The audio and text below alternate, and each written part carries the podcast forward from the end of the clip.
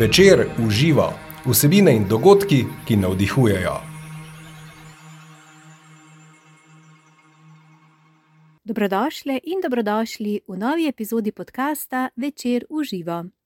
Pogovarjali se bomo o čuječnosti ter o jogi in meditaciji, ki čuječnost vnašata v naša življenja.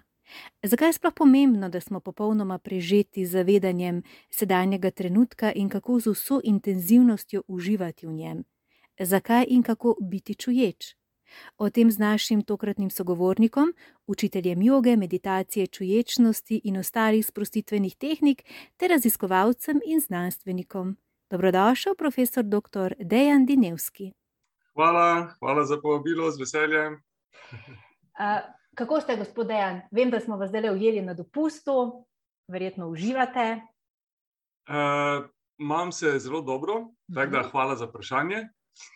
Uh, ja, se, da smo na dopustu, na Hvaru. Uh -huh. Plavam, berem. Uh, tako da ob tem je, ko ste rekli, kako ste. Ne? Uh, pred uh, dvema tednoma sem v garaži srečal kolega, profesora Skalickega, ne, in sem ga vprašal, kako je. Ne? In je rekel, praznično. Wow. In jaz gruntam, kateri praznik je, in ga vprašam, ja, kateri praznik je. Je rekel, vsak dan je praznik. Bravo. Bravo. Še posebej to drži, ko vas nekdo vpraša, kako ste. Ja.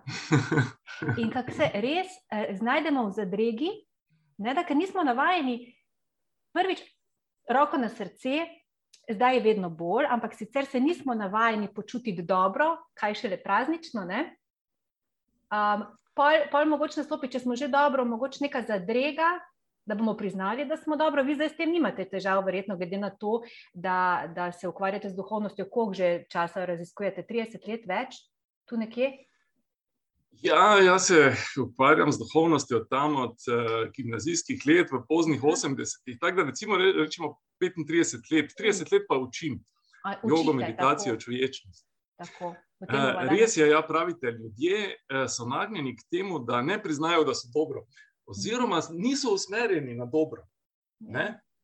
Vedno je nekaj, kar je dobro, za kar smo lahko hvaležni, ampak ljudje uh, redko rečejo odlično, praznično. Zato sem navedel tega profesora Skalickega, ne, ki je Bravo. tako fenomenalno odgovoril. Ja, zdaj, če bi jaz tako odgovoril, bi bilo sicer malo kičasto, ne?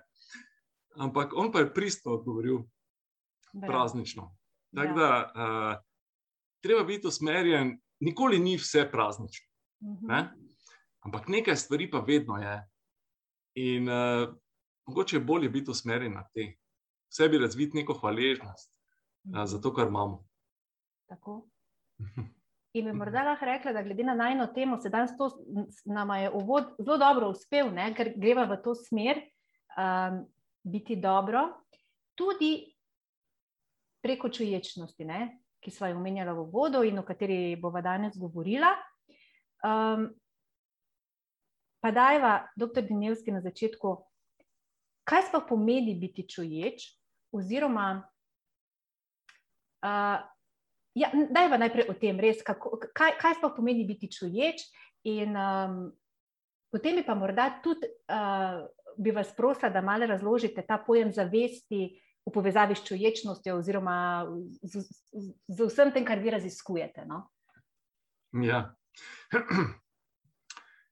Čuječi smo, ko smo prisotni. Uh -huh. Ko smo dejansko prisotni s svojo pozornostjo v tem trenutku, ko smo odprti, radovedni, ko sprejemamo sebe, Uh -huh. sprejemamo druge in ko sprejemamo življenje takšno, kot je. Torej, ko smo čuječi, polno doživljamo sedanji trenutek. Zdaj, vi ste rekli, uh, uživamo, ste rekli, ne, v sedanjem uh Mhm. -huh. trenutku. Zdaj to le delno drži. Ne? Zdaj, Aha. če smo prisotni v sedanjem trenutku, to je neke vrste tudi užitek, lahko rečemo. Ja. Ampak dejansko je pomembno, da smo čuječi tudi, ko ne uživamo. Tudi, ko smo morali biti žalostni, jezni, ko imamo ali doživljamo kakšno bolečino, izgubo.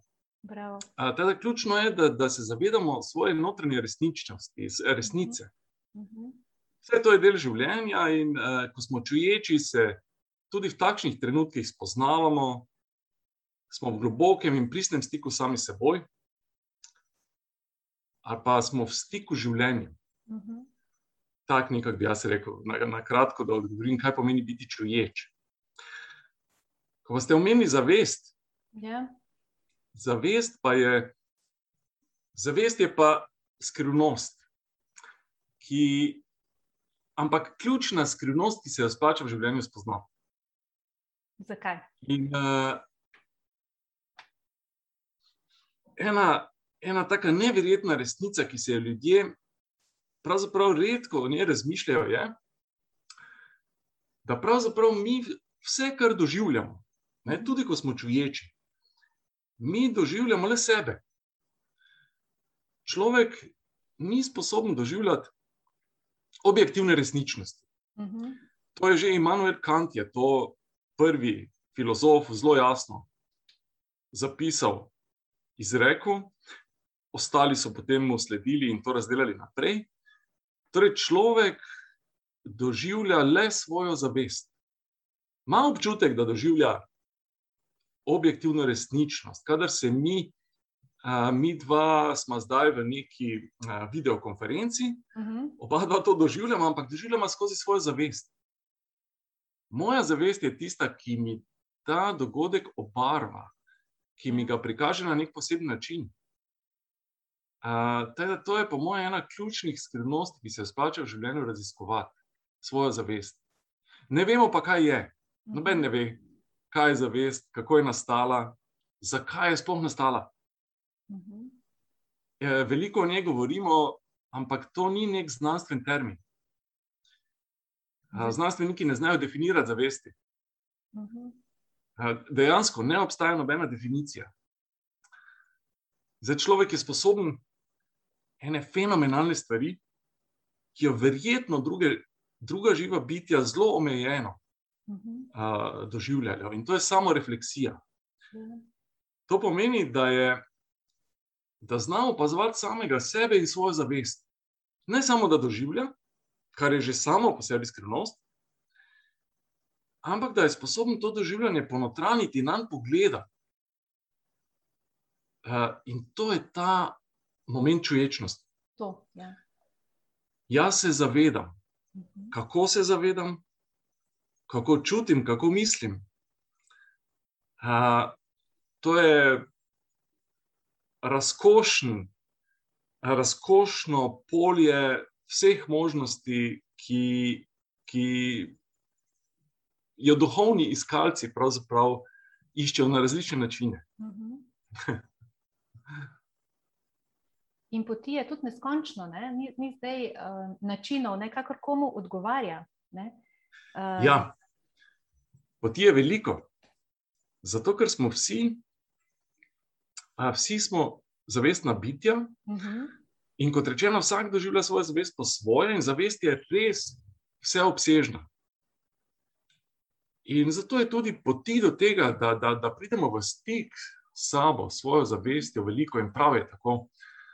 Uh, tudi se mi zdi to pomembno, da vsak najde svojo pot. Mhm. Da ne privzame poti, ki, ki, je, ki jo je nekdo odpredaval, napisal v knjigi. Da človek ne, se ne omeji samo na neko tehniko, ki ga je nekdo naučil, ampak da to dejansko polno krvno življenjsko raziskuje. In rezultat pa, pa je jasen. Če pridemo v globok stik s samim seboj, smo na pravi poti. Tako. Um, zdaj, tudi to ni najbolj enostavna stvar, ne? to je v bistvu kompleksno raziskovanje, vse življenjsko ste rekli. Tudi to, To, in uh, marsikoga, mogoče, ki želi neke instantne, pa hitre rešitve v življenju, uh, pritegnejo take tehnike, ki zelo hitro, recimo, ali pa začasno rešujejo neke izzive. Ne? In, uh, ja, to je uh, dobro, ste rekli. Uh, to je doživljenjsko delo, pravzaprav. Ne? In je pot človeka v življenju. Uh mhm. -huh. Ne obstajajo instant rešitve. Ja kdorkoli obljublja instant rešitve, uh, do, do poti do samega sebe, do nekih spoznanj, spoznanj o življenju, o sebi, uh, laže ne? ali pa nekaj prodaja. In uh, ne obstajajo instant rešitve. Človek je, uh, človek je tako kompleksno, široko bitje in življenje je tako, tako bogato, ne? da, da to uh, pravzaprav mi zelo težko vse to zaobsežemo. In zato je to neizčrpen vir raziskovanja. Je pa smiselno, pravzaprav ena najbolj smiselnih stvari v življenju, ne? raziskovati resničnost sebe in življenje. Ker kaj, kaj drugega je toliko vredno uh, ne? raziskovati? Je lahko rekla, edina smiselna in potrebna. Ja, lahko bi rekli, edina. Ja. Ali pa najbolj smiselna. Ja. Se, uh, in, in uh, jaz zelo cenim različne poti. Jaz sem, jaz sem raziskoval različne poti, zdaj, dosti krat. Uh, tudi me, me, zanima, me zanima, kakšne poti ubirajo drugi, kakšne poti opisujejo. Našel sem čudovite zapise uh, različnih kultur, ki se v mnogo čem povezujejo med seboj. To je zanimivo. Uh, ta, uh, obstaja neka sinteza, neka rdeča nit vseh učenj. Zdaj, jaz izhajam iz tradicije joge. Recimo. To sem se najbolj poglobil kot malo. Ja. Ampak uh, joga se v zahodnem svetu pravzaprav uh, jemlje zelo omejeno. Joga je uh, izvira iz staroindijske tradicije, stara je več tisoč let. Je, je zelo obsežna filozofija, to niso samo tehnike. In v tej filozofiji je skrita tudi čujetnost. Recimo, Čuječnost je del joge. Ja. Brez dvoma izvira iz joge, ker so tehnike čuječnosti tehnike joge. Nekatere tehnike joge, organizirane v, v čuječnost. To je eh, populariziral John Kabat-Zinn, profesor iz Harvarda. In je vzel en, en, uh, en delček te staroindijske tradicije, duhovne, ja. Ampak ni potrebe, da se omejimo samo na staro Indijo. Ta tradicija je enaka v vseh kulturah. Tudi mi imamo bogato tradicijo v zahodnem svetu. Uh, ampak je mogoče nekje bolj skrita, ker smo se mi usmerili bolj v, v, v materializem, v znanost, uh, v intelektualizem. Uh, zato je mogoče malo prikrita ta pot uh, duhovnosti, ne? ker je duhovnost tudi malo zlorabljena beseda zato sem se jaz osebno podal na pot raziskovanja izvorne uh mhm. -huh. joge. Uh, preštudiral sem in knjige, in ne vem, bil sem v Indiji kot uh, mlad že. Ne? In sem imel nekako srečo tudi, da sem prišel v stik uh, s temi izvornimi učenji. Ki so mi odprli, ne vem, mnogo stvari, tudi to, da je, da je vem, vzhodni človek malo drugačen od zahodnega. Ne? In da je, da je pot uh, uh, v, nekih, v različnih kulturah, so te poti, poti različne, pa na koncu pa se nekako ujamijo z neko rdečo nitjo. Ja. Te introspekcije, skozi to zavest, o čemer smo govorili, to imajo vse duhovne uh, kulture v sebi, vtkano v samo jedro. Uh. -huh.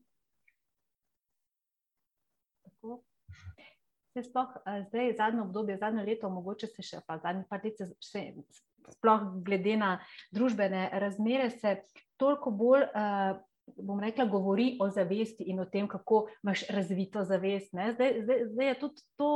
Um, To področje postalo vedno bolj, um, vedno bolj se, so se ljudje začeli zanimati za njega, kot um, se usmerjajo ja. v raziskovanje zavesti različnih praks.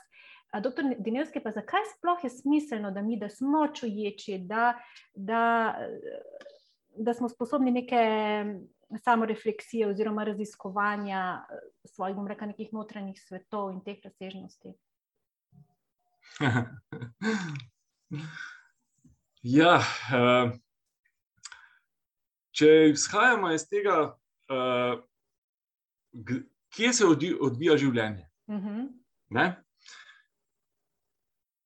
Življenje se odvija samo na, v enem prostoru in ja. v enem trenutku.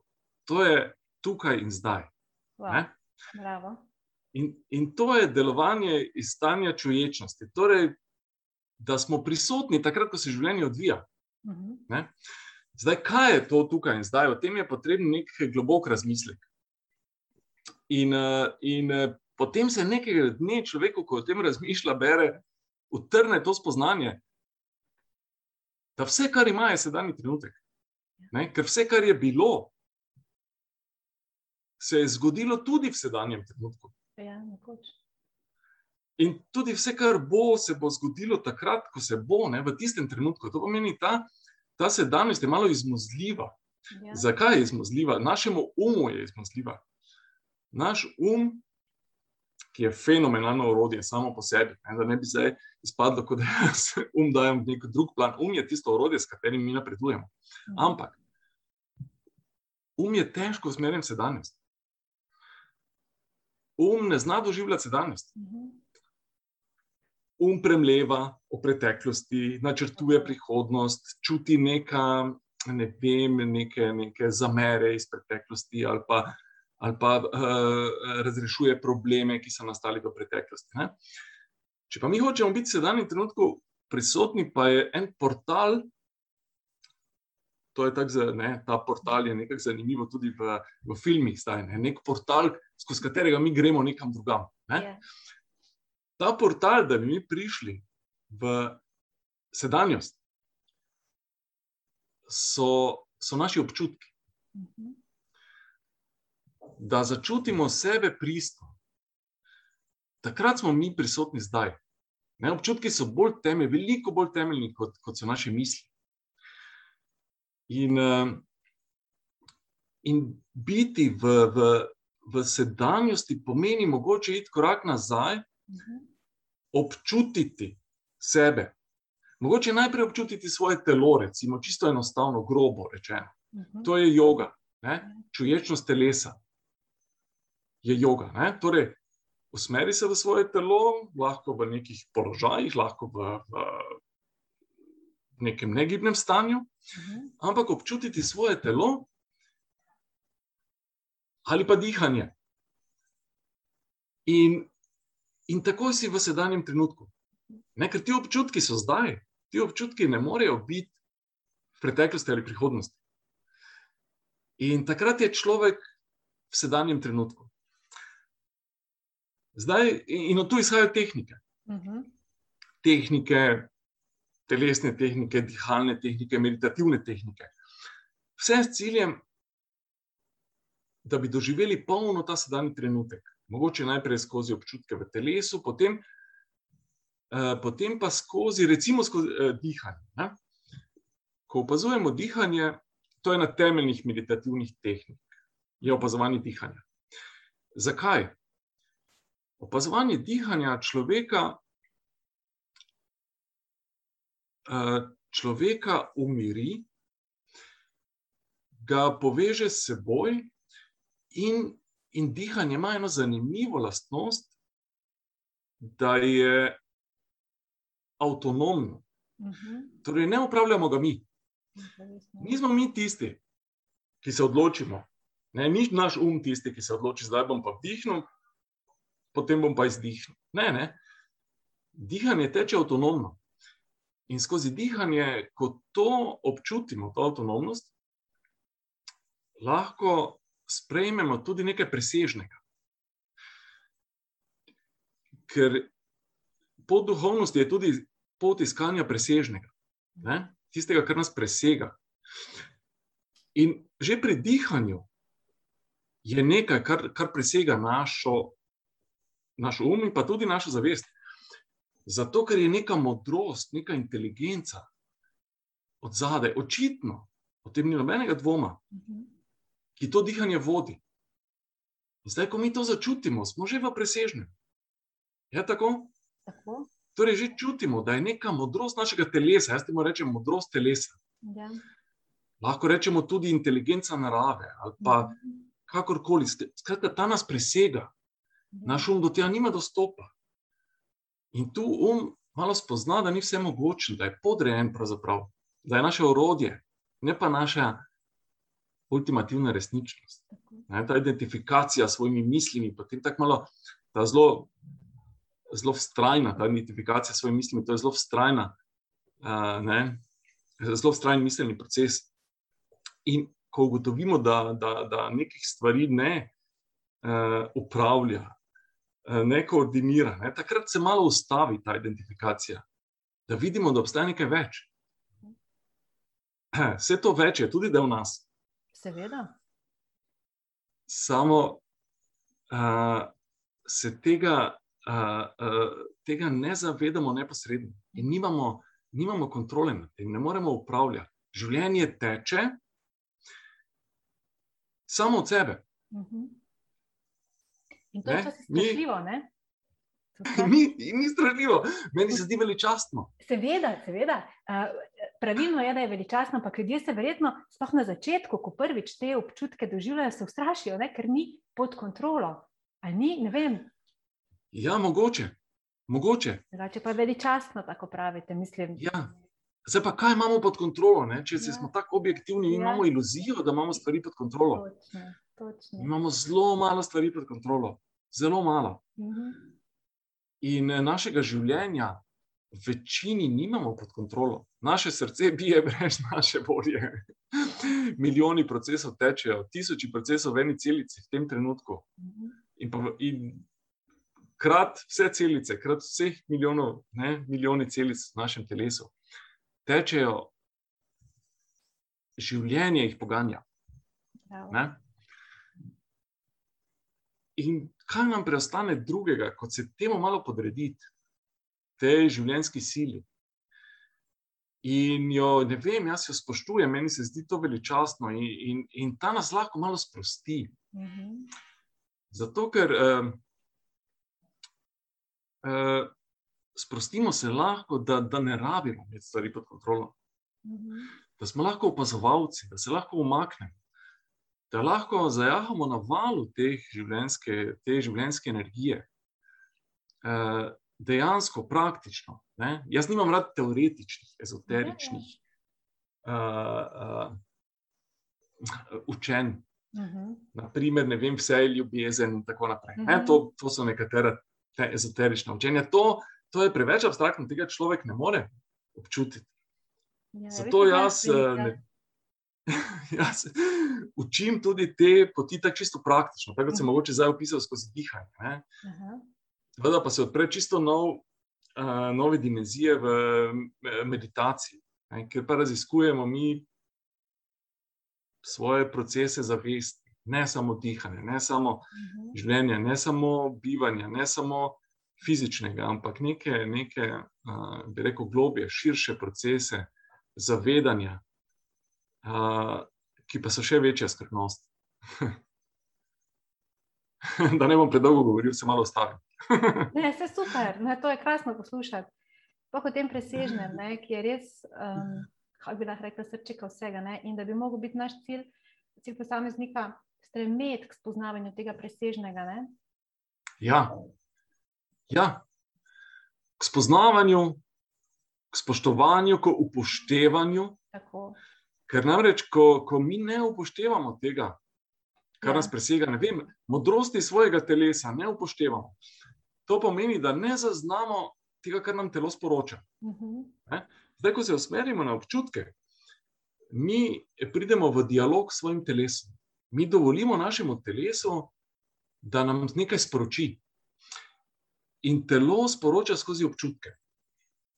Zdaj, ta sporočila so na, na začetku, ko, ko človek tega ni vajen, zelo, bi rekel, ne, uh, nerazpoznavna našemu umu. Ne? Ko, pa, ko pa se naučimo to začutiti, brati sporočila telesa, takrat pa se ne vem, izboljša tudi naše zdravje, izboljšajo še naši odnosi. To so vse dobrobiti čuječnosti, mimo grede dokazane. Uh -huh. Ne?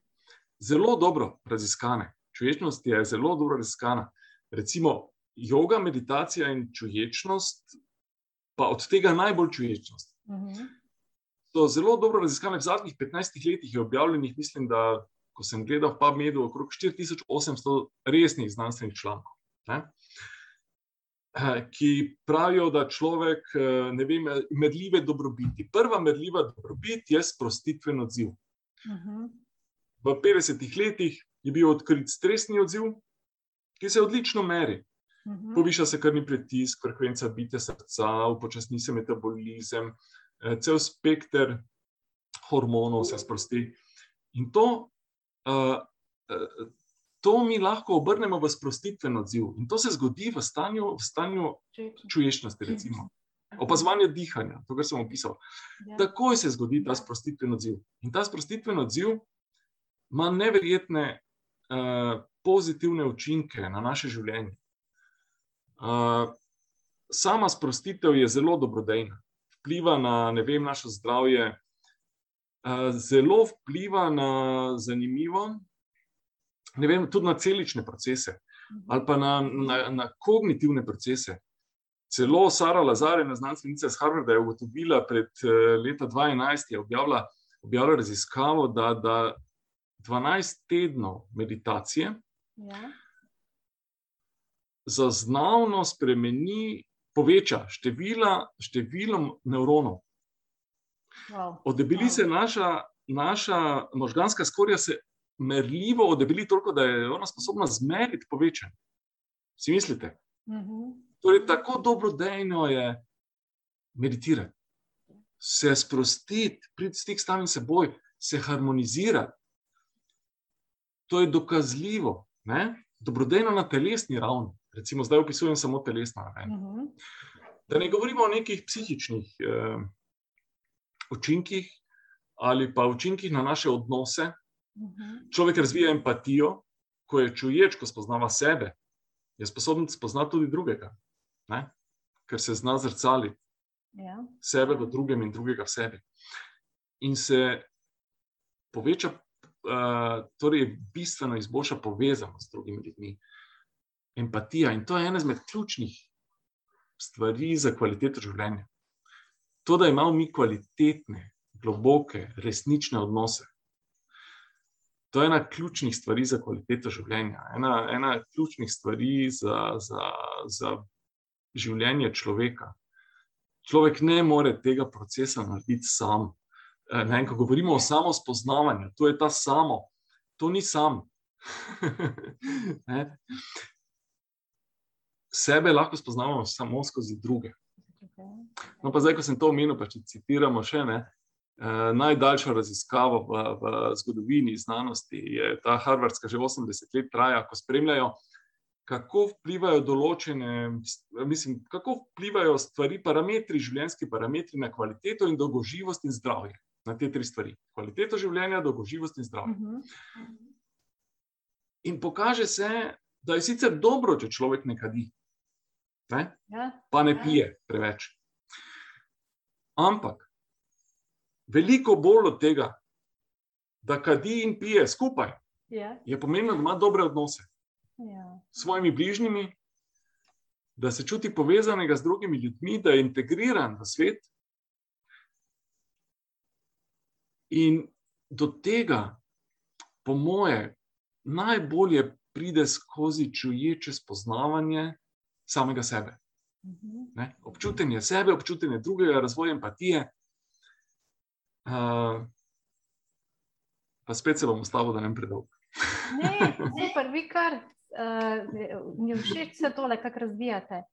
Uh, no, zdaj, ko smo že ravno pri teh vseh raziskavah, uh, ki ste jih zdaj omenjali, um, Vi ste pa pri nas eden vodilnih na tem področju, oziroma nekako orjete um, urin, uh, uh, uh, ledino, ne? oziroma nekako začenjate razis z raziskavami na tem področju. Ne? Zelo ste predani temu raziskovalnemu delu. Ja, jaz, eh, jaz sem delam na medicinski fakulteti ne? in, in eh, nekako so se stvari sestavljale, da, uh mhm. -huh. da smo začeli do, do pred nekaj let. Recimo deset let nazaj bi bilo raziskovanje joge pri nas v našem prostoru nezaželeno. Ja. Kot, nekaj, eh, kot nekaj, bi rekel, ne, neznanstvenega. Uh mhm. -huh. Danes je to sprejeto. ravno zaradi teh mnogih raziskav prebojev, predvsem ameriških, je treba priznati, američani so največ naredili v tej smeri, njihove raziskave so bile najbolj celovite. Uh -huh. In zato je zdaj to sprejel tudi naš prostor. Ja. Zanimivo, da slovenski prostor nekoliko manj. Jaz, jaz predavam na medicinski univerzi v Gracu. Tam je ena, en predmet, ki se mu reče komplementarna medicina. In jaz tam predavam o, torej o znanstvenih vidikih teh eh, sprostitvenih tehnik, meditacije, čuječnosti in joge. In uh, uh, pri nas tega še ni. Mogoče kdaj v prihodnosti bo. Ja, ja, bo, bo. Ampak raziskave pa že delamo. Zdaj, trenutno, ne vem, bi omenil, dve tečeta, dve resni raziskavi na medicinski fakulteti, dva doktorata, Eh, kjer, kjer in sicer na nosečnicah. Moja žena Izidora je dela z nosečnicami in, in je naredila že veliko, torej veliko nosečnic je šlo skozi njeno šolo. Ja. In v, v porodnišnici, v UKC Maribor, so ugotovili, da te nosečnice imajo neke prednosti pri porodu. Pa ne samo pri porodu. No, in iz tega se je razvila neka ideja, ti eh, zdravniki, predstojniki so to podprli. In zdaj torej tečeta dva doktorata. Prvi je vpliv teh eh, sprostitvenih vaj, joge in meditacije in, in posebnih vaj za nosečnice na izid poroda. Eh, kaže se, da je manj carskih rezov in kaže se, da so mnoge druge dobrobiti. Lažji porod, manj bolečine, ne vem, skoraj ni poporodne depresije in tako Bravo. naprej. Bravo. In um, tako da to imamo mi en, eno zelo, ja, ta skupina je zelo dobro definirana, že, že je okrog 2000 eh, teh nosečnic je že rodilo, ne, ki so bile v izvedeni šoli. No, in druga raziskava, drug, drug doktorat je pa tudi eh, porodničarja, ginekologa, vpliv joge in meditacije na harmonizacijo avtonomnega živčnega sistema, kar je pa zaželeno pri vseh ljudeh. -huh. Še posebej pa pri nosečnicah. Uh -huh. uh, zato, ker pri nosečnicah se ta avtonomni živčni sistem pride malo izravnoteži.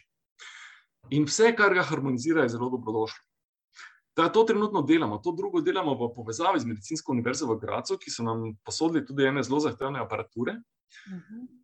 Uh, in to delamo, trenutno to delamo na Sončni Vili, to je na, na, pri nas, ja, torej hiši, kjer res dobro to izvaja te, te vaje. Ja. Tako da delamo raziskovalno, bi rekel, da smo, nismo še zelo raziskovalnega področja zelo razvili, ja. ampak recimo, da ga razvijamo, to so prvi začetki. Doktorati bodo drugo leto. Bravo. Evo, tako rabimo. To, to. Jaz sem želim, da bi se vam uh, odpiralo, no, da bi bili uh, dojemljivi tudi pri nas. Ne? Ja, jaz upam, da bo. No. Zdaj nakazujejo se nekatere raziskave na področju fizioterapije. Uh -huh. uh, bomo videli, tudi v šoli smo že mhm. naredili. Jaz sem naredil en, en, en tečaj za, za učitelje na osnovni šoli uh, Franceta Prešerna, pred eh, štirimi leti, potem pa je naša učiteljica joge, Branka Arko, ki tudi dela doktorat na pedagoški fakulteti, uh, izvajala vaje uh, za, za prilagojene učence. Uh, in je naučila učitelje, kako naj, kako naj torej vodijo te vaje za učence. In smo imeli različne vaje za učence, za mlajše, za srednje, vse v višjih letnikih smo tudi meditirali. In uh, trenutno obdelujemo rezultate, da vidimo, pričakujemo dobrobiti tudi za učence. Ne vem, gledajte, moja lastna, moja lastna izkušnja. Ja. Če zdaj smem tukaj navezati. Ne, zakaj sem se jaz začel ukvarjati z, s temi? No, jaz, sem, eh, jaz sem bil v tečaju meditacije, eh, prvem resnem tečaju meditacije, takrat je bilo tega zelo malo kot študent, v prvem letniku. In Uh, torej, to je bilo poznih 80-ih. In sem ugotovil nekaj neverjetnega. Da sem se sposoben skoncentrirati na čisto eni drugi ravni. Jaz sem lahko se naučil stvari brez ponavljanja. In sem delal izpite tako z levo roko. Wow. Ker sem se naučil stvari, enostavno, ko sem razumel, ko sem se dejansko skoncentrirano naučil, kar sem se tudi potem tokom let naučil, kaj pomeni se učiti skoncentrirano. E? To pomeni tudi, da je omejen čas, da je človek spočit, da je sproščen, da je v nekem stanju sproščenosti, dejansko takrat, ko se uči. In da to stanje lahko traja samo določen čas, potem pa spet rabi počitek, rabi eh, to, da prebavi to, kar je sprejel, znanje, informacije in jih potem ponotranji. Jih, mhm. Ampak jaz sem torej to na sebi neposredno ugotovil in to me je izjemno motiviralo, da sem nadaljeval v tej smeri, ne, da sem poglobil svojo meditacijo. Torej, že samo to, da si in to poskušam tudi študentom, sicer tistim, ki jih zanima, eh, posredovati. Ne. Če se človek sprosti in se dejansko usmeri, sklopi telefone, vse moteče faktorje in se iskreno in dejansko z zanimanjem, odprtostjo in radovednostjo posveti temu, kar študira potem se bo naučil vsaj petkrat hitreje kot z nekimi klasičnimi tehnikami, ki jih imajo študenti danes. To pomeni, da si vzamejo knjigo, grejo počrtovati, si delati zapiske, zraven mislijo na sto drugih stvari. Uh, ne, to je čisto ena taka praktična vrednost, no? recimo meditacije za študente in učence, ki sem jih prej omenil. Zdaj, ko že to omenjate, to, uh, um, te konkretne primere, uh, bi bilo možno, da bi za naše poslušalce oziroma gledalce delali mogoče kak tak, uh, kako vajo ali pa neko to tehniko, eno tako zelo, zelo enostavno, uh, da, da, da bi prišli do tega občutka čuječnosti ali pa stanja čuječnosti ali pa vsaj neke sproščenosti. Ja. Neka taka za avtomobil, uh, ja. za užepno. Ja. Obstaja taka tehnika. Uh mhm. -huh. Glede, ko me je večer vabil od tam od leta 2016 naprej, sem jaz imel te večere v živo. Ja. Uh, prvi večer v živo smo izvedli, takrat je bil zelo popularen. Smo dvakrat napolnili Unionsko dvorano, smo govorili o jogi in meditaciji. Potem smo pa šli še na Ptuj, pa Ravne, pa Bursko soboto. Uh, pa potem na drugem večeru v živo, ker ste vi sodelovali že. Ja. uh, delali, smo delali zelo resno, 15 ja. minut ja. tehniko meditacije. Ne? Smo mhm. se naučili, pravzaprav smo se naučili 70% meditacije so temeljne stvari. Uh, zdaj težko vidim, da to naredimo. Ne? Ne zdaj, če bi imel ljudi pred sabo, bi bilo lažje. Bi šlo, zdaj pa lahko samo opišem. No, vse to, ja. to, da ima približno ja. postopek. Ja. Postopek, ki sproži sprostitven odziv in spravi človeka v stik s seboj, je, da se udobno sede, zapre ja. oči in usmeri pozornost na občutke v svojem telesu. Ja. Za, za minuto, dve, toliko, da začuti svoje telo. Potem pa iz tega, takrat se, takrat se že nastopi ta sprostitven odziv. In človek to začuti, začuti tako, da se počuti prijetno. Uh mhm. -huh. Potem pa se usmeri na dihanje. In, ampak to ne pomeni, da zapre oči in, in vdih in zdih, vdih in zdih, jaz to spremljam. Ne. Usmeri se na dihanje z radovedno. Kaj je dihanje? Ja. Kako teče? Da zajaha na valu dihanja, da, da, da spozna tisto, tistega, ki vodi to dihanje, da se, da se naveže, harmonizira s tistim, ki nas presega, s to modrostjo telesa, ja. recimo, ne, ki smo jo prej omenili. In, in zanesljivo, vsak človek, ko to naredi, Zato recimo porabi pet minut, da se najprej usmeri na občutke v telesu, potem pa na občutke v dihanju, dihanja. In da dihanje dejansko spremlja vsak trenutek, vsakega vdiha in vsak trenutek, vsakega izdiha. In tisti trenutek, ko vdih se prelevi v izdih, opazuje z vso prisotnostjo v sebi. Takrat pride v stik s samim seboj, pride v sedanji trenutek, začuti globoko sprostitev, kot prvi učinek. In uh, potem pride sicer še več ne, v meditaciji, ampak to je temelj. Potem pride opazovanje prostora zavesti, ampak to pa ni nekaj, kar bi lahko opisoval. Ja, to je pa nekaj, kar lahko vodim. Tako. Jaz to pač vodim v tečajih in, in na tem potem gradimo naprej. No, ampak recimo opazovanje telesa in opazovanje dihanja. Uh, glejte, trikrat zavestno vdihnite in izdihnite, že meditacija. Lahko rečemo, da smo meditirali. Bravo. Mm, ja, zelo fajn, zelo praktično, res tako za, za kjerkoli, ne, za pred, ne vem, kako, kakim dogodkom ali pa nek, nekim, nekim takim mal bolj, da ne bom rekla, nimam rada besede stresnim, pa nekim izzivom, ki nas čaka dnevnimi obveznostmi, se to lahko super prakticira, ne, to, kar ste zdaj le povedali. Ja, gledajte, ne vem. Uh, jaz imam malo treme pred uh, javnim nastopanjem. Imamo vsi. Ja, vsak, to imamo vsi. Ne? Vsi imamo, verjetno.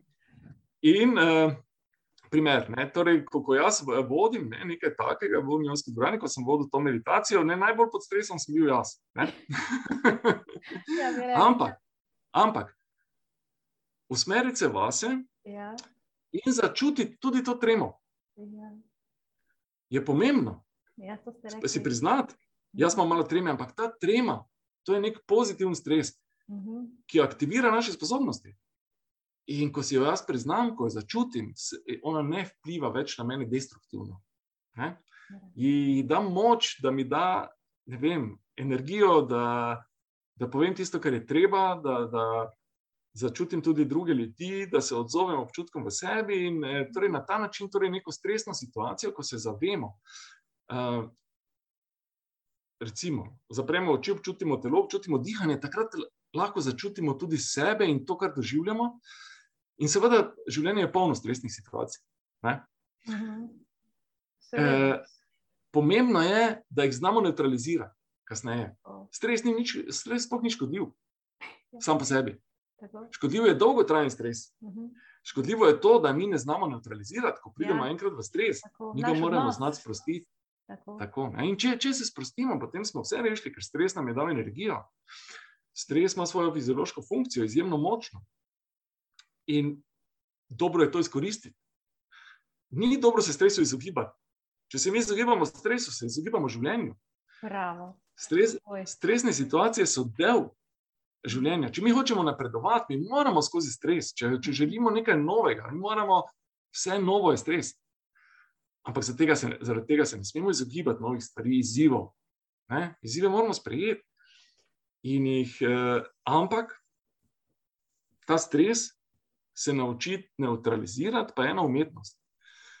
Ker če smo mi samo v svojem umu, če smo usmerjeni samo v učinke, eh, potem se nam ta čas za sprostitev ne zdi nekako smiseln. In, ga, in, in ne znamo neutralizirati stresa. Tega, tega se moramo malo naučiti. Uh -huh. To nas mora nekdo malo naučiti, malo voditi. Ja. Z izkušnjami, po možnosti s poglobljenimi izkušnjami, dolgoletnimi izkušnjami. Ne vem, jaz to zdaj uh, delam na, na načine. Vem, zadnjič sem imel uh, delavnico za zaposlene na Univerzi v Mariboru, po, med korono, izjemno obiskano, mislim, da je bilo 150 prisotnih. Uh mhm. -huh. In sem eh, prikazoval uh, te tehnike skozi pravljico Medvedka Puja. To je. Ja. to nam povejte. Uh, Medvedek Puja je pravljica, ki je pred sto leti uh mhm. -huh. ne bila zapisana. Emil je, je napisal to. Ne? In medvedko poju se skriva toliko prakse čuječnosti, da je to očitno tudi v naši kulturi zelo domače. Ne? Medvedek puje v enem stavku, pove, kako se meditira. Ne? Sicer je v naši knjigi to prevedeno, včasih sedim in mislim, včasih pa samo sedim, pravi medvedek pu. Ampak, če gremo gledati original, uh. Pa je nekaj zanimivega, kar mi ne znajo pojasniti niti uh, učitelji angliščine. Pravi, medvedek poje v originalu rekel: Sometimes I sit and think, but sometimes I only sit.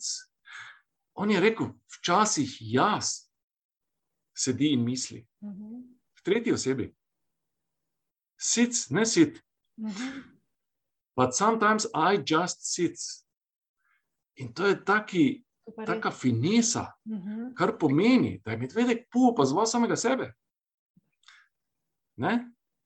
On ni rekel jaz, on je opazoval samega sebe in je ugotovil. No, in ta, če bi jaz izbral en stavek, ki definira meditacijo, bi mi rekli v enem stavku, pove, kaj je meditacija, lahko rečem samo medvedek pu. Ej, ej, mi je to povedal skozi, skozi medvedka puja. To pomeni, samo sedeti. Jaz samo sedi, jaz je tukaj. In niso misli tiste ključne, ampak jaz vem, da je jaz tukaj. To je to, to je meditacija. Ne? Ampak to je že čisto vrhunsko, mislim, biti, samo biti. Ja, to je vrhunsko. Ja. Zanimivo je, da je to v pravljici za otroke. Eh, to ni edina, to ni edina uh, globoka modrost uh, medvedka Puja.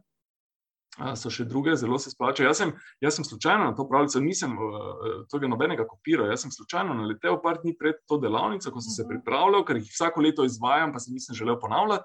Uh mhm. -huh. Pa sem tokrat za rdečo nit izbral medvedka Puja, no, ki, ki mi je postal zelo, zelo, zelo blizu. Ja. In ima res to poglobljeno ja. učenje, vključeno na tako enostaven hajku način. Ne? Uh mhm. -huh. Res, uh, še to. Ja. Pa, ja. pa še otrokom je blizu, še otroci lahko ne? začutijo, vse ne morejo oni, oni se še ne, ne moreš jim razložiti, zavesti uh -huh. in mhm. tako naprej. Ampak on lahko nekaj začuti v tem, ne? neko, neko poglobljeno, nedefinirano eh, sporočilo, ki rezonira z njim. Uh -huh.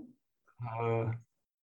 Je ja, ravno zato, verjetno, ker še otroci niso v umu. To, ko smo mi, mi se moramo spet nazaj ja. naučiti tega. Ne? Otrok pa ja. spontano in ga ja. to nagovori res na neki intuitivni, kako bi rekla, na neki super zavestni ravni. Ne vem, tako vi rečete, ja. ne da se opisati. Na ravni, na ravni občutkov. Ja. Ja, ja. On nekako občuti. Ne? Otrok nekako to občuti. In mi, mora, mi moramo malo tega, teh občutkov si povrniti. Ja? Mi smo začeli glorificirati um. Ja pa smo na to pozabili. Ja. Ja, ampak se moramo malo vrniti, malo uh, ta, v to otroško razigranost in radovednost, priti nazaj. Ker to je tisto, kar nam odpira nove poti, tudi biti radovedni. Uh mhm. -huh. To je, ko smo radovedni, smo odprti za življenje. Ja, tako dobrih, zelo močni ste na nizali, da jaz um, um, jih ne morem zbrati, mislim. Ja. No, veseli, da vam je. Torej, tudi vi rezonirate s tem. Ja, jaz sploh s takimi temami, s takimi razmišljanji, s takimi vsebinami, sploh zelo, ampak s kom bolj, s kom pa manj, ne, vse to je normalno. Um, ja. Ravno ta umetnost, ne, ja, res ne misli. Mislim, to, to je Samo, dejansko. Ja. Uh, ja, veste, ko ste pa rekli, ne, uh, tudi je pa dosti krat nesporazum. Ja. Da mi moramo, ne vem, želimo ustaviti svoje misli. No, ja, ja. Kaj je to naravno? To je, nes, to je nesporazum. Aha, ne mi ne želimo ustaviti svojih misli. Če mi želimo ustaviti svoje misli, kaj se zgodi? Mi zapremo oči in rečemo: Jaz ne bom mislil, jaz ne bom mislil, bom prisoten. Mi samo bolj mislimo. Je tak? tako? To je isto kot eh, zapremo oči in rečem: Čez tri sekunde bom zaspal, čez tri sekunde, čez dve sekunde bom zaspal, čez eno sekundo bom zaspal, zaspal bom. Zaspi kdo? Ne. uh, misli ne moremo ostaviti. Mhm. In uh, mnogi neizkušeni učitelji meditacije, recimo, učijo to. Yeah. Ja. Poskusi ustaviti svoje misli. Ne. To je napačno, to delaš kontra. Ne. Mhm. Nisi na poti k sebi. Kaj lahko z mislimi delamo? No to, lahko jih opazujemo. Lahko se oddaljimo od njih in jih lahko opazujemo, tako kot opazujemo dihanje, in ugotovimo, da tudi misli, podobno kot dihanje, nastajajo same. In takrat smo mi v tem meditativnem stanju. Ne? Ja. In ko mi misli opazujemo, ko vidimo, da nastajajo same, takrat se misli počasi postanejo vedno bolj redke. Evo, redke, ja. tako da med njimi, bravo. Manj vseljive, ja. manj Eh, sprožajo manj asociacij. In takrat se samo dejno izvenevajo. Mhm. Ne? Torej, ne moremo jih ustaviti, lahko jih usmerimo in lahko jih opazujemo. In to je tehnika v meditaciji, torej, ko smo mi v prostoru svoje zavesti, mi misli sprejemamo, zato ker so resnične, ker so se pojavile, mi jih ne moremo negirati, uh mhm. -huh. ignorirati. Ja, ne, potem smo se, kaj smo potem naredili? Zaprli smo zid, smo naredili, mi se moramo odpreti tudi vsem svojim mislim. In potem ugotovimo neke neverjetne lastnosti svojega uma, ki jih eh, ugotavljajo tudi današnji raziskovalci. Ne vem, ta David Eagleman je meni zelo všeč. ena knjiga je zelo dobra v slovenščini, o možganih, eh, njegova, ne, ki je ugotovil, eh, pač gradil, ampak zelo jasno demonstriral, da večina miselnih procesov, večina, da, velika večina, daleč prek 95%, ni zavednih. To so Mhm. miselni procesi, so podzavedni. Mi se zavedamo svojih misli samo kot, kot vrha ledene gore. Ja, ja. Ne? Ampak ta glavnina svojih misli je pa v nam nedosegljiva, Mhm. v našem umu. Mhm. In nekatere misli, se to vsak pozna, so izjemno vztrajne. Mi jih ne želimo, Mhm. Pa se več čas pojavljajo. In uh, meditativen pristop, pristop, jogijski pristop in pa pristop čuječnosti so si tukaj popolnoma enaki. Je torej to, da mi misli opazujemo in usmerjamo. In skozi to jih umirimo in pridemo v to stanje, ki ga je Medvedek poopisal, da nekaj časa sedimo in mislimo, potem pa se zgodi, da samo še sedimo. Je to naš kujek. ja. Odlično, res. In, in sploh tole se mi zdi, da je to, to lepi podarek, ste dali, uh, po opozorili na, na, na stvari, sploh tole glede misli, oziroma z mislimi, uh, ki si jih ve, večina v teh raznih duhovnih praksah, oziroma tehnika napačno interpretira, ne? to, kar ste rekli, ustavlja. In zelo. Ja, napačno, uh, napačno jih interpretirajo vsi, ki nimajo lastne izkušnje. Tako, tako. Uh, Ne? Ker, ker, ker so nekje prebrali, ne vem, v, v Yoga Sutrah piše, ja. da je eh, stanje eh, Diane, eh, meditacija, stanje brez misli. Uh -huh. Tako piše, dejansko tako piše. Uh -huh. Ampak ste razložili, kako, kdaj, ja. na kak način. Ja. Ampak ne moreš ti reči, jaz bom zdaj stanje brez misli, pa bom prišel v tisto stanje. Ja.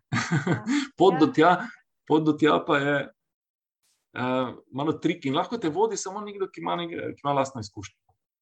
No, zelo pomembno je tudi to, lahko poudarjava, da pri iskanju raznih učiteljev oziroma mentorjev, kočev, da smo zelo zbirčni. Ne? Ja, zdaj učitelji so potrebni, učitelji so ja. dobrodošli v našem življenju. In, uh, in uh, težko je, težko je pravzaprav učitelja izbrati. Uh -huh. Ne, ker te uči nekaj, kar še ti ne veš. Uh, in uh, vi ste rekli, zbirčni se strinjam s tem, ampak tudi ne smemo biti preveč zaprti. Uh, jaz, bi rekel, jaz bi rekel, izberite tistega učitelja, ki mu intuitivno zaupate. Uh -huh. In kadarkoli začutite minimalno možnost zlorabe, uh -huh. marketinga, komercialnosti, da vam želi nekaj prodati, uh, bo, bodite pozorni. Uh, tako da, intuitivno zaupanje to je, po mojem, ključno. Tam je blizu, tam je blizu. Ne? Govori nekako je v skladu z mojo dušo, z, mojim, z mano. Tistemu, ne, uh, ne pa tistemu, ki ima najlepšo spletno stran, uh -huh. ki očitno, ne vem, imamo take učitelje v Sloveniji, ki delajo zelo na veliko komercialno, uh, ki so zdaj celi timi, ki to suportirajo. Dobro, tudi oni, verjetno, dosti stvari naučijo, ampak za tistega vodnika, nekega vodnika, ki te pa vodi k samemu sebi, pa izberi nekoga, ki mu intuitivno zaupaš. Pa ne enega, izberi jih več. Uh -huh. ja. Meni so najbližje knjige tukaj. Tudi jaz imam učitelja iz Indije. Recimo, to sem vas hotel vprašati, ja, kaj je pri vas. Ja. Ja. Uh, tak moj učitelj joge je s vami Mahešvarananda. Uh -huh. In uh, jaz sem uh, pri njem začutil, da me bo on tega naučil. Zato, ker ima očitno, ne, po moji presoji, lastno izkušnjo in poznavanje, zelo bogato poznavanje tega. In, uh, ampak on ni moj edini učitelj. Ne? Moji učitelji so stotine knjig, uh, filozofov, znanstvenikov, uh, drugih uh, duhovnih vodij, uh, knjige različnih religij in tako naprej. Uh, ta, treba je biti zbirčen, po drugi strani pa tudi odprt za vso znanje, ki se, uh, ki se ponuja in ki ga je veliko, predvsem v knjigah. To znanje je predvsem v knjigah.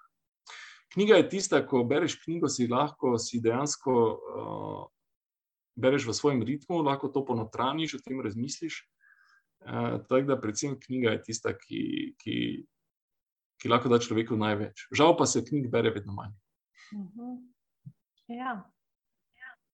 Ampak je en prvi tisti stik in navdih, ste rekli, ne, da, da se raziskuje v tej smeri. Um. Ja. Doktor Dinevski, kaj pa vi zdaj, uh, uh, povejte mi, uh, kljub temu, da ste že mojster vseh teh tehnik, uh, mislim, ste zelo vešči, a pa se vam kdaj zgodi življenjsko, da pa ne morete biti prisotni, oziroma da vam, kako ne rečem, po domači šteka, ne vem, med, ko, ko, ko želite biti čuječi, oziroma ko, ko ste v tem stanju. Ja, seveda se zgodi. Uh, pogosto se zgodi, vsakodnevno. Tako da ni to nič nenavadnega. Da bi kdo zdaj mislil, da moramo, smo enkrat, moramo pa skozi, da mora to laufati, tako da rečem. Uh, daleč od tega. Daleč od tega. Glede, imeli ste v večeru uh, pred nekaj dnevi, sem prebral eno misel na koncu, kje je, bila, kje je bila upisana, ne? da, je, da je vsak človek pet minut na dan bedak. Dobro, Ampak ampak da je pomembno, ne, da veliki ljudje so tisti, ki tega ne presežejo. To je ena taka. Človek, uh, uh, zdaj bom tako rekel, ne, mi, uh, ne bom uh, neposredno odgovoril na vaše vprašanje. Ne, seveda se to dogaja vsem nam, uh mhm. -huh. stalno in vse posod.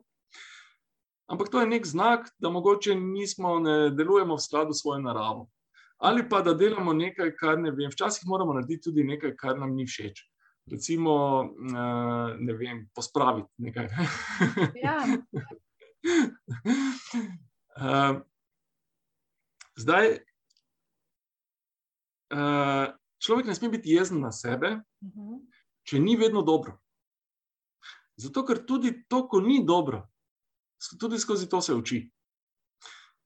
In eh, nihče od nas, eh, jaz, eh, ko ste rekli, mojster, jaz sebe nimam za mojstra, znam ene stvari, znam, jaz ne vem, jaz se znam sprostiti, uh mhm. -huh. znam meditirati, ampak to ni, to je, gledajte, to ni nekaj strašnega v življenju. Uh, vsak človek dela napake. In, in te napake si moramo znati oprostiti, moramo se sprijeti, takšni kot smo, za svojo omejenostjo. Uh, to, da nismo vedno dobro, Uh -huh. uh, in tudi življenje pravzaprav prinaša, uh -huh. uh, se konča s smrtjo. In to ni dobro, in se konča z boleznijo, in tudi to ni dobro. Ampak kaj če imamo? Uh -huh. To moramo sprejeti, e, ni druge. Ne? Pravzaprav o tem nimamo kaj debatirati. Uh -huh. in, uh, in tako tudi delamo napake, se na svojih napakah učimo. Uh, si znati oprostiti sebi in oprostiti drugim napake, bistveno olajša življenje in naše odnose. To imamo v Sloveniji, imamo eno, eh, kaj imamo še čas? Imamo še čas, ja, ja. kar imamo. Zdaj, jaz, eh, jaz učim eh, bodoče zdravnike, ne? Ja. imam področje biomedicinske informatike in tam govorimo tudi o odločanju. In zdaj sem se poglobil tudi v to področje odločanja. In eh, človek se ne odloča kvalitetno, Vete, eh, optimalno. Recimo temu mhm. optimalno. optimalno če obstaja, če lahko merim kvaliteto odločitev, pa rečemo, da je to optimalna odločitev. Ne? Človek se odloča intuitivno, čustveno, zelo redko racionalno. Uh mhm. -huh. Ampak zdravnik, recimo, od zdravnika pa se zahteva, da bi vedno se odločal racionalno. Raziskave so pokazale, da se zdravniki odločajo večinoma intuitivno in večinoma so te odločitve zelo dobre. Ampak, kadar je situacija kompleksna, pa v nekem procentu niso dobre. In zdravniki torej delajo napake, ampak delajo napake zato, ker jih morajo delati, ker ne morejo drugače. Naš kognitivni aparat vedno dela napake. In zato moramo znati oprostiti tistim, katerih odločitve so lahko usodne za naše življenje. Uh, tudi ne, vem, ne samo zdravnikom, tudi sodnikom, pa recimo politikom, čeprav zdaj niso popularni. Moramo znati oprostiti napake, ker, ker kompleksne situacije človek ne zna racionalno zaobjeti. Čim mhm. ima več kot dva faktorja, ki vplivata na njegovo odločitev, se usmeri v svojo intuicijo. Intuicija večinoma usmeri človeka na pravo pot, ampak daleč od tega, da bi to bilo vedno. Včasih nas, ne, včasih nas pelje v napačno pot. In moramo si znati, moramo znati zase to sprejeti, si priznati in tudi drugim ne očitati. Ne vem, v Sloveniji imamo, ne, to tako sem začel, uh, torej to kulturo, da zdravnikov napak ne priznamo. Mi zdravnike pribijemo na križ, ko naredijo napake. Pa imamo članke v časopisu, uh, kako napako je storil. Ne. Zdaj, uh, v razvitih, uh, recimo v Ameriki, ni tako. Amerika je tu spet najnaprednejša. Eh, zahodne evropske države sledijo. V tem, da se zdravnikom napaka prizna, eh, torej oni jo priznajo, za njo niso kaznovani, cilj je narediti čim manj napak, poskušamo izboljšati procese, da bo napak manj, ampak napake vedno so. Da smo ljudje omejeni, da si to svojo omejenost moramo priznati, da nismo vedno dobro in da delamo napake. To se mi zdi uh, pomembno v življenju. Mogoče smo zdaj malo zašla skozi to, skozi to zgodbo, samo nekaj ste me. Ne, asociacije so mi ja, nekaj ja, tekle v to smer. No, Pojasnili, seveda, da se razume. Ne? Poročilo. Uh, doktor Dinevski, Dan Dinevski, hvala lepa, bili ste zelo, zelo fajn sogovornik, ampak predno se pa čisto res posloviva. Uh, bi pa še samo eno vprašanje, ki ga ponavadi vedno postavim Eh, našim uh, sogovornikom, ker imamo nek moto naših podkastov, vsebine in dogodki, ki navdihujejo. Me pa zanima, kaj vam v življenju, kaj vas navdihuje, kaj vam razpira krila. To je težko vprašanje, pravzaprav. Res? Ja, jaz, se ne, jaz se ne bi rad omejil. Ne radi. Uh, te stvari, ki sem jih povedal, Jaz delam strastno, z veseljem in vse to me navdihuje. Eh, ne? Raziskovanje, zavesti, spoznavanje samega sebe, učenje eh, drugih. Eh, navdihujejo pa me tudi male stvari v življenju. Mhm. Sprehod v naravi, čudovit navdih, trenutno plavanje me navdihuje. Jaz uživam, ko plavam. Pravate. In, uh, danes sem že imel tri ure plavanja, imam za sabo. Uh, Tako da, kaj ne rečem, poskušam poiskati navdih v, v malih stvarih in v čim več stvarih. Več informacij o podcastih in dogodkih večer uživo naredite na večer.com pošiljka uživo in na Facebook strani večer uživo. Tudi tokrat sem bila z vami Maja Furman, srčno in srečno, dok malu.